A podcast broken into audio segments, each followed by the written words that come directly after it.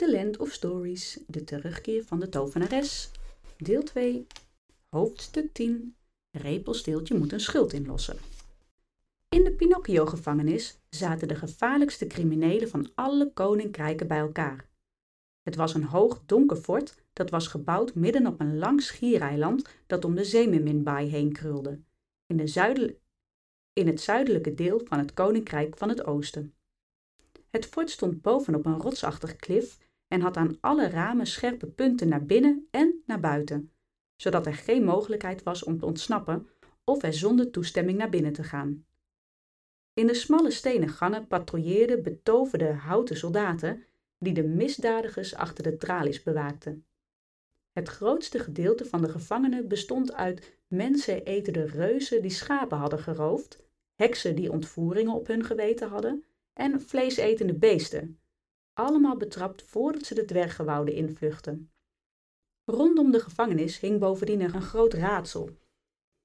Tijdens de vloek van de honderd jaar durende slaap in het Koninkrijk van het Oosten was de gevangenis de enige plek geweest die gespaard bleef. Alle soldaten en gevangenen waren vreemd genoeg wakker gebleven, terwijl de rest van het land in diepe slaap verzonken was. Nog niet zo lang geleden had het raadsel zich uitgebreid, toen de gevangenis ook nog eens de enige plek in het hele koninkrijk bleek te zijn dat niet bedekt was met die duivelse doornstruiken en klimplanten van de tovenares. Het was de vraag of dit toeval was of een wonder. Velen gingen ervan uit dat de gevangenis gewoon te ver weg stond om last te hebben van de vloek. Maar wat de soldaten en de gedetineerden niet wisten, was dat de grootste ellende de gevangenis bespaard was gebleven dankzij een hooggeplaatste gedetineerde die was opgesloten op de dertiende verdieping. Dat was de plek waar Repelsteeltje nu al 127 jaar zijn straf uitzat. Repelsteeltje was een klein mannetje met dikke wallen onder zijn grote ogen, een mopsneus en kort haar dat als een helm om zijn hoofd geplakt zat. Hij droeg een tuniek met een grote kraag en zijn beentjes waren gestoken in een strakke broek met daaronder rode puntschoenen die klingelden onder het lopen. Na zijn beruchte mislukte poging om het eerstgeboren kind van de voormalige koningin van het koninkrijk van het oosten af te pakken, was Repelsteeltje ondergedoken. Maar nadat hij een paar jaar voortvluchtig was geweest, had het kleine mannetje niet meer kunnen leven met het schuldgevoel van wat hij bijna had gedaan. Dus had hij 127 jaar geleden besloten zichzelf aan te geven. En sindsdien zat hij in de Pinocchio-gevangenis. Repelsteeltje had er een piepkleine cel, helemaal voor hem alleen. Het hok had twee ramen met tralies ervoor. één in de zware zeldeur en één in de muur aan de kant van de zeemeerminbaai. Beide ramen waren zo hoog dat hij alleen naar buiten kon kijken als hij omhoog sprong. Dus zijn enige uitzicht waren de donkere stenen van de vloer en de muren van zijn cel. Elke dag weer. Zijn leven was een stuk simpeler geworden in de gevangenis. Hij sliep op een grote berg hooi in de hoek en at aan een piepklein tafeltje dat tegen de muur geschoven was, met als enige bezittingen één lepel en een kom. Hoewel Repelsteeltje heel goed was met toverkracht, had hij besloten die op te geven toen hij de gevangenis inging, uit angst dat de magie hem alleen maar in de problemen zou brengen. Hij hield zijn cel zo eenvoudig mogelijk. De eerste tien jaar was hij ongelooflijk eenzaam geweest in de gevangenis. Maar gelukkig voor het kleine ventje had hij uiteindelijk onverwacht een celgenoot gekregen. Op een dag blies de sterke zeewind een zaadje door de tralies naar binnen en een week later begon er een madeliefje te groeien tussen twee stenen van zijn vloer. Repelsteeltje vond het wonderlijk. Hoe kon er zoiets moois groeien op zo'n ellendige plek? Waarom had het zaadje ervoor gekozen om, van alle plekken ter wereld, uitgerekend hier te landen? Over die vraag had hij lang nagedacht. Al lang blij dat hij een beetje afleiding had van de eenzaamheid en zijn schaamte. Uiteindelijk had hij bedacht dat de bloem vast net zoveel behoefte had gehad aan vriendschap als hij, en dat de aanwezigheid van het madeliefje in zijn cel vast een doel had. Hij zorgde er heel goed voor en slaagde er op indrukwekkende wijze in om de bloem al die tijd dat hij in de gevangenis zat in leven te houden. Hij deelde zijn water ermee.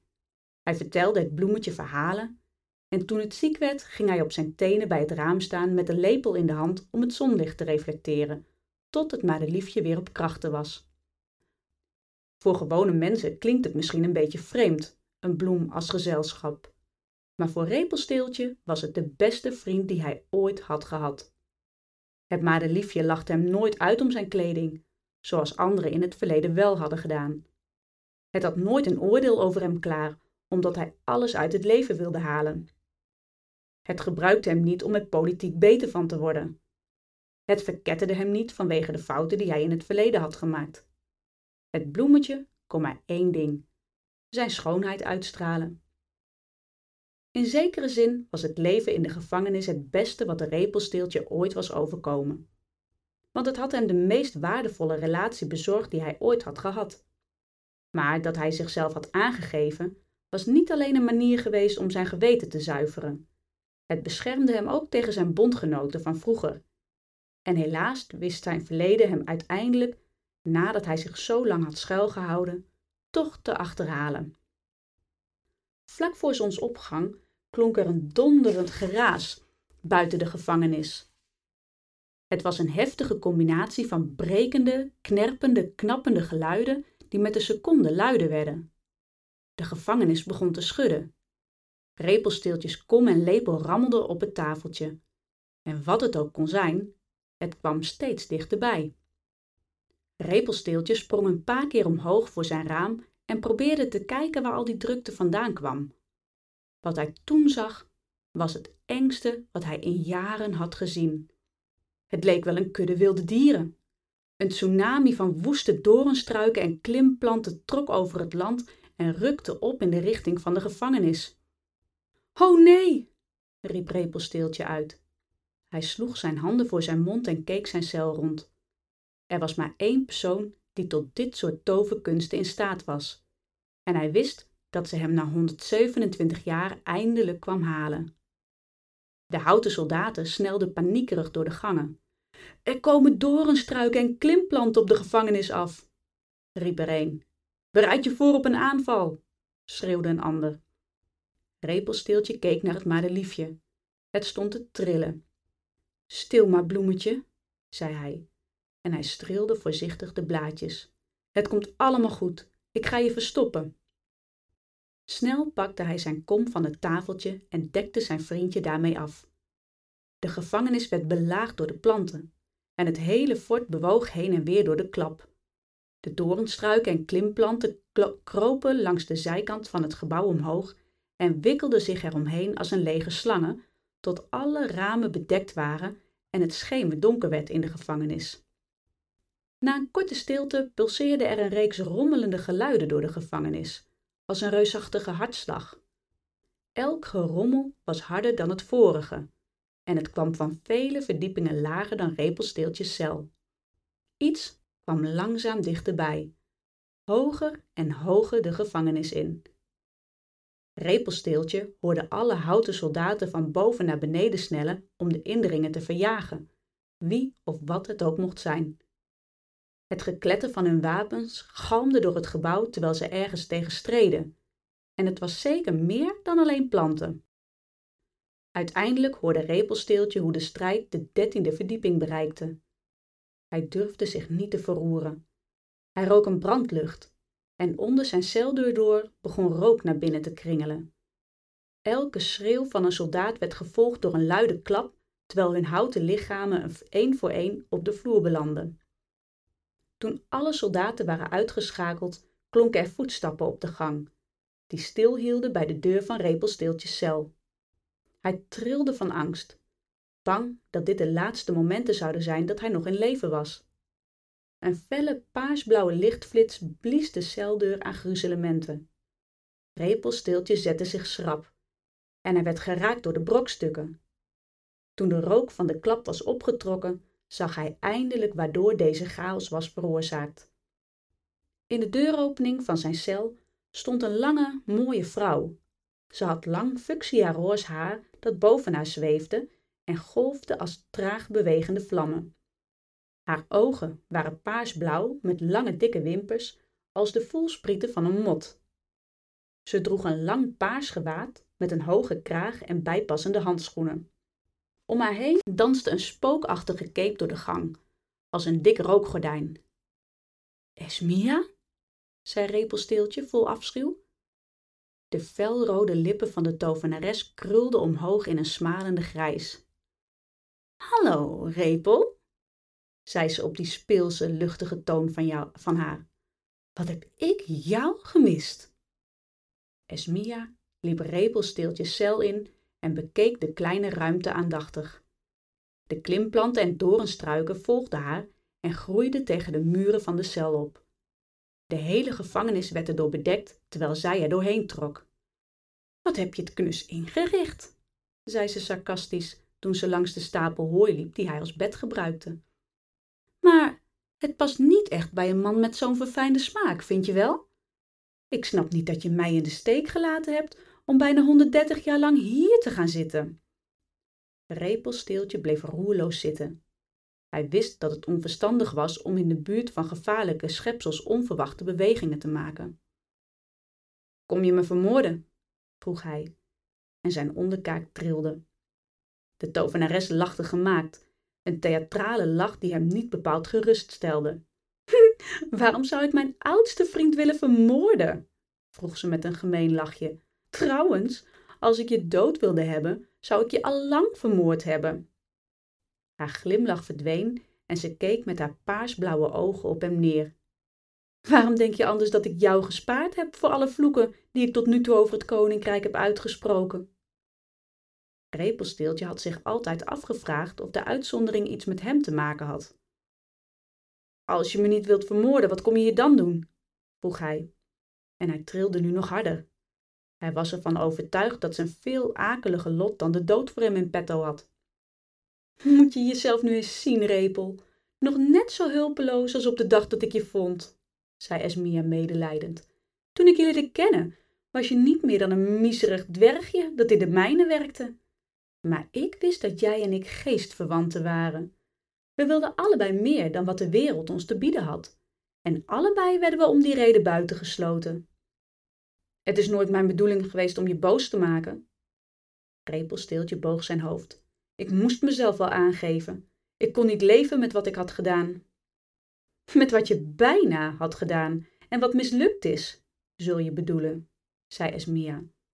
Maar goed, ik vergeef het je. Repelsteeltje geloofde haar niet. Daar kende hij haar te goed voor. Esmia voerde iets in haar schild. Ze voerde altijd iets in haar schild. Wat wil je van me? vroeg hij. Esmia liep naar het raam. De klimplanten en doornstruiken die de buitenkant bedekten schoven opzij, zodat ze uitzicht had op de baai. Of je het nou leuk vindt of niet, wij hebben een deal gesloten, zei ze.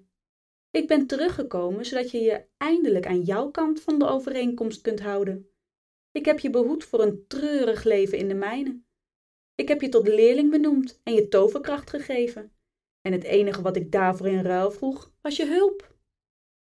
Je had er niet bij verteld dat ik een kind zou moeten ontvoeren, zei Repelsteeltje. Een prinsesje nog wel. Ik heb het je ongelooflijk makkelijk gemaakt, zei Esmia op scherpe toon. Ze klonk steeds kwader. Ik heb de koning op zo'n manier betoverd dat hij dacht dat hij een vrouw nodig had die goud kon spinnen van stro. Ik heb het doopsmeisje uitgekozen dat hij daarvoor de opdracht gaf. Ik heb alle onderhandelingen tussen jullie tweeën gepland. En het enige wat jij hoefde te doen, was het kind waar je recht op had meenemen. Je wilde mij het vuile werk laten opknappen, piepte Repelsteeltje. Je wilde dat mijn naam door het slijk gehaald zou worden als er iets misging. Ja, natuurlijk, zei ze, zonder een greintje schuldgevoel. Ik zat toen nog in de assemblee van nog lang en gelukkig, dus ik kon moeilijk zelf een babyprinsesje gaan ontvoeren. De feeën wisten niet beter of ik was nog steeds een van hen. Ik wist ook niet beter of je was nog steeds een van hen, zei Repelsteeltje. Ik dacht dat ik de leerling was van een fijne goede vee, niet van een tovenares die stiekem plannen zou maken om de wereld te veroveren. Esmia genoot van de herinnering van haar bedrog. Ja, daar keek iedereen van op, zei ze. Natuurlijk veranderde het allemaal toen de andere veeën erachter kwamen dat je voor mij werkte en ik werd niet uitgenodigd voor de doop van het kind. Uit woede sprak ik een dodelijke vloek uit over het hele koninkrijk. En ze zouden nu allemaal dood zijn geweest als de goede vee mijn vloek niet had omgezet in die slappe slaapvloek. De tovenares sloot haar ogen en masseerde de zijkant van haar hoofd. En sindsdien is door een roosje mijn eigen persoonlijke nachtmerrie, zei ze. Maar je had haar gezicht moeten zien toen ik haar aanviel in het bos. Daar stond ze. Hoor, de martelares, de koningin, trillend van angst. Het was kostelijk. Esmia glimlacht grinnikend in zichzelf. Je wilde dat ik haar als baby zou ontvoeren. Toen heb je een vloek van honderd jaar over haar uitgesproken en nu heb je haar hele koninkrijk bedekt met klimplanten en doornstruiken, zei Repelsteeltje. Waarom haat je koningin door een roosje zo? Esmia gluurde van opzij naar hem terwijl ze nadacht over het eerlijke antwoord en het antwoord dat ze hem zou geven.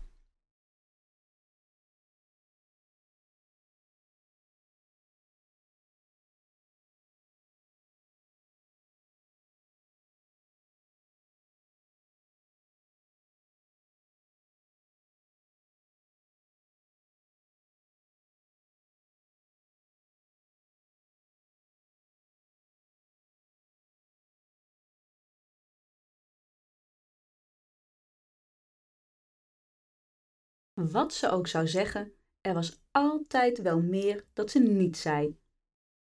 Daarover heeft iedereen het mis, zei Esmia. Ik moet toegeven dat ik er enorm van geniet dat het koninkrijk van het oosten in rep en roer is. Mijn reputatie heeft een flinke knauw gekregen toen mijn dodelijke vloek werd teruggebracht tot een langdurig dutje. Dus er is wel degelijk sprake van een element van wraak waar ik erg van geniet. Maar de reden dat ik het koninkrijk van het oosten heb aangevallen, heeft niets te maken met koningin door een roosje. Waarom veroorzaak je dan al die chaos? vroeg Repelsteeltje met een nerveuze blik op de klimplanten en doornstruiken buiten. Alles heeft een doel, zei Esmia met een trotse, boosaardige glinstering in haar ogen. De laatste keer dat ik in het openbaar ben verschenen is al zo lang geleden dat de wereld dacht dat ik dood was. Ik moest laten zien dat ik terug ben en sterker dan ooit. En wat is daar nu een mooier moment voor dan de dag dat ze het einde van mijn laatste vloek vieren? Wat een heerlijk, wat heerlijk slecht van me, hè? Ze deed haar ogen dicht en er verscheen een brede glimlach op haar gezicht. Welk deel van onze afspraak zou ik nu alsnog moeten inlossen? vroeg Repelsteeltje. Je verlangt toch niet van me dat ik koningin door een roosje alsnog ga ontvoeren? Het is me nooit om door een roosje te doen geweest. Esmia beende woest door de cel. Door een roosje dit, door een roosje dat. De schone slaapste, noemen ze haar. Zonder mij had ze die naam niet eens gehad. Nu begreep Repelsteeltje er helemaal niets meer van. Waar was het je dan wel om te doen? vroeg hij. Het ging me om een kind, biechte Esmia op. Om precies te zijn, een kind met koninklijk bloed dat is een van de vele dingen die ik nodig heb om een speciaal project af te ronden waar ik al een hele poos aan werk. Een speciaal project? Het veroveren van de wereld bedoel je? Dat heb je altijd gewild, of niet soms? Esmia keek hem strak aan. Zoiets ja, zei ze. En dat is een stuk lastiger dan het lijkt. Kort voordat ik jou ontmoette, had ik een manier bedacht om dat voor elkaar te krijgen. Het is een soort betovering, een heel ingewikkelde formule waarvoor je bepaalde bezittingen moet toe-eigenen en specifieke eigenschappen moet aanleren. Als ik erin slaag die allemaal bij elkaar te krijgen, dan kan zelfs de goede vee in hoogst eigen persoon me niet tegenhouden. Ik heb je meer dan een eeuw niet gezien, zei Repelsteeltje. Waarom heb je besloten nu toe te slaan na al die jaren? Esmia zwaaide met haar hand en de stenen uit de vloer kwamen omhoog en vormden een grote stoel. Je bent er niet bij geweest, Repel, zei Esmia en ze ging zitten.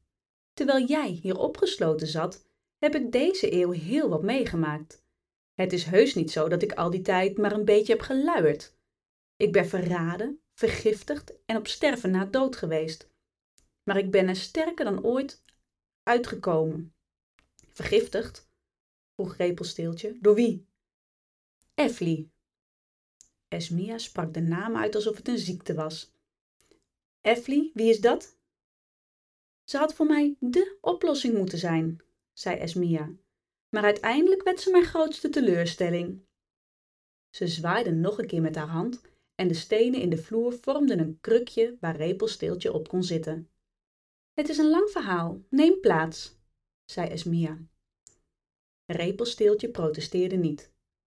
Nadat ik mijn vloek over het koninkrijk van het oosten had uitgesproken, ben ik ondergedoken, legde Esmia uit. Ik mag dan eens de invloedrijkste vee ter wereld zijn geweest. Ik was geen partij voor alle andere veeën samen. Ik wist dat ik niet opnieuw kon toeslaan voordat ik verder was gevorderd met mijn project. Niet voordat ik op het punt was aangekomen waarop er geen weg terug was. Dus heb ik in het geheim plannen gemaakt en alle koninkrijken nauwlettend in de gaten gehouden, speurend naar alles wat ik nodig had om mijn werk voort te zetten. Ik flanste een lieftallig kasteeltje in elkaar in het noordoosten waar niemand me kon vinden. En daar plande ik mijn volgende stap. Maar er zaten zoveel kanten aan waarop ik geen invloed had, dus ik wist dat ik geduld zou moeten hebben. Ik haalde een heleboel gekwelde zielen binnen in het kasteel, in de hoop zo een geschikte leerling te kunnen voortbrengen. Maar ze stelden me allemaal teleur, de een nog erger dan de ander. Jaren later, in het mooie koninkrijk, toen wijle koning Jan nog maar een prins was, kreeg het paleis op een avond onverwacht bezoek. Een jong meisje bonste op de deuren. Ze wilde schuilen voor het vreselijke noodweer. Jan werd onmiddellijk verliefd op haar en vroeg zijn ouders toestemming om haar ten huwelijk te vragen. Jans ouders, de koning en de koningin, waren erg ouderwets en ze zeiden dat hij alleen met een meisje mocht trouwen als ze koninklijk bloed had. Dus bedacht de prins een list om na te gaan of ze dat had. Hij maakte in de logeerkamer een bed voor haar met een stapel van meer dan tien matrassen. En hij legde een ed onder het onderste matras, waar hij zijn ouders ervan overtuigde dat alleen iemand met koninklijk bloed die oneffenheid zou voelen, dwars door alle matrassen heen. De volgende morgen klaagde het meisje dat ze slecht geslapen had. En Jan was ervan overtuigd dat hij zijn toekomstige, echt, toekomstige echtgenote had gevonden. Hij vroeg om haar hand, maar ze weigerde. Het meisje had een geheim. Ze had de hele nacht liggen woelen omdat ze zwanger was, niet omdat ze een prinses was. Het was maar een eenvoudig boerenmeisje dat thuis weggelopen was, omdat ze zich ervoor schaamde ongehuwd in verwachting te zijn. Ze verdween net zo snel uit het paleis als ze was gekomen, en prins Jan heeft haar nooit meer gezien. Toen ik het verhaal over die zogenaamd zwangere prinses die was gevlucht hoorde, was mijn belangstelling gewekt, want ik had dus een koninklijk kind nodig. Ik spoorde haar op in het woud, waar ze in haar eentje in een grot woonde. Tot mijn grote vreugde was ze hoogzwanger toen ik haar vond. Ik deed haar een aanbod dat ze niet kon weigeren. In ruil voor haar kind zou ik haar een leventje bieden met meer rijkdom en luxe dan ze in haar stoutste dromen kon bedenken. Het bekende verhaal. Ze stemde in en de deal was gesloten. Helaas krabbelde ze vlak voor de geboorte van het kind terug. Ze vluchtte naar een nabijgelegen dorp en stierf in het kraambed. De baby was een meisje, dat de dorpelingen Efflie noemden. Al gauw kwam ik tot de ontdekking dat de moeder toch geen koninklijk bloed had gehad en dat Efflie dus niet het kind was dat ik nodig had. Ik liet haar grootbrengen door de dorpelingen terwijl ik een nieuw plan beraamde om toch wat aan Efflie te hebben. Ik zou haar klaarstomen om prins Witje van het Koninkrijk van het Noorden te verleiden en met hem te trouwen. Ze zouden dan samen een troonopvolger voortbrengen, zodat ik eindelijk het koninklijke kind zou hebben dat ik zo dringend nodig had. Maar helaas, toen ik Efflie ging halen, zodra ze in haar tienerjaren was, bleek ze smoorverliefd geworden te zijn op een van de dorpsjongens, zo'n sneu type dat dichter wilde worden. Mira heette hij. Ik nam Efflie mee naar mijn kasteel in het Noordoosten om aan haar opleiding te beginnen. Maar ze liep alleen maar dag en nacht te jammeren dat ze Mira zo miste. Dus heb ik die jongen naar haar toegebracht en hem opgesloten in een toverspiegel. Dat leek me een aardig gebaar, maar Efflie kreeg alleen maar een grotere hekel aan me. Ze verzon zelf een list.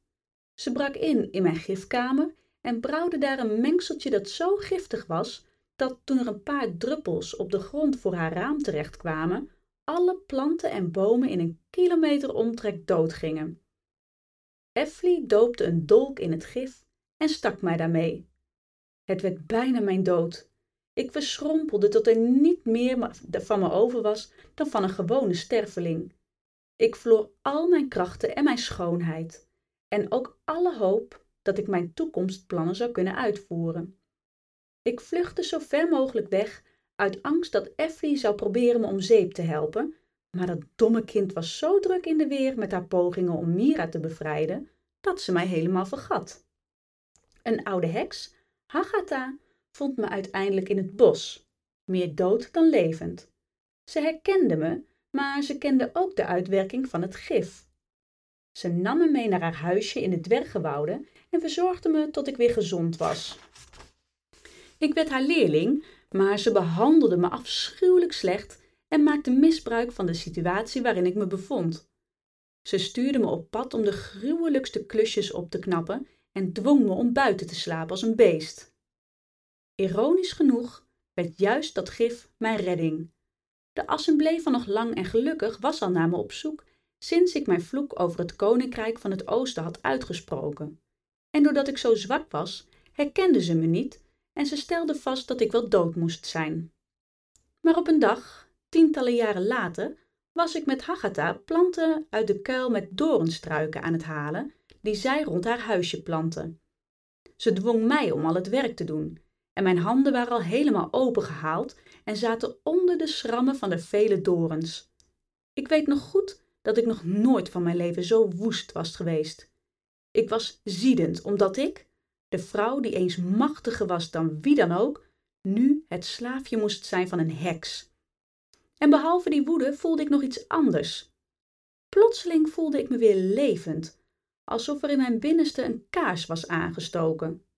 Na vele lange jaren was mijn lichaam eindelijk hersteld van de uitwerking van het gif en keerde mijn krachten terug. Het is waar wat ze zeggen. Als je een verschrikkelijke ervaring overleeft, word je er alleen maar sterker van. Daarvan ben ik het levende bewijs. Ik kwam hier sterker uit dan ooit tevoren. Mijn krachten waren ook anders.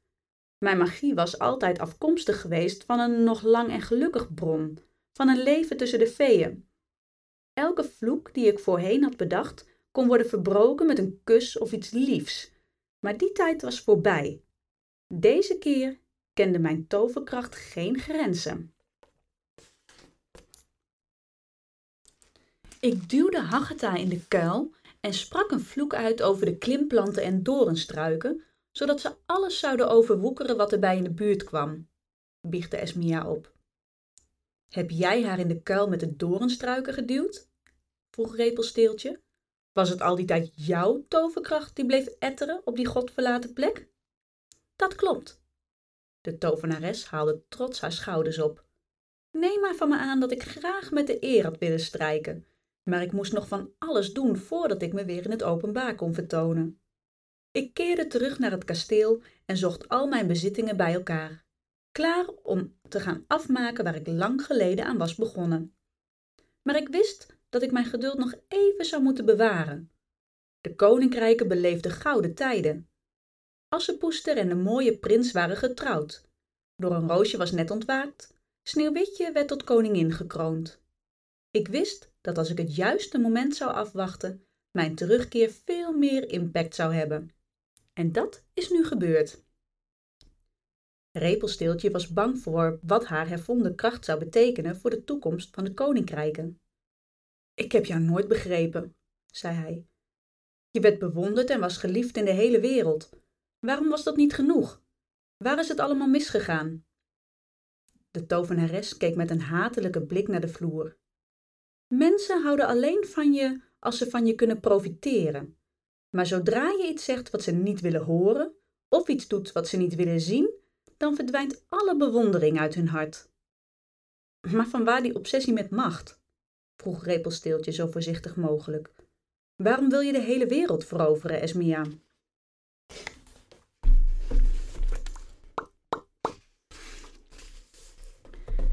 Esmia slaakte een diepe zucht. Daar heb ik zo mijn redenen voor. zei ze op scherpe toon.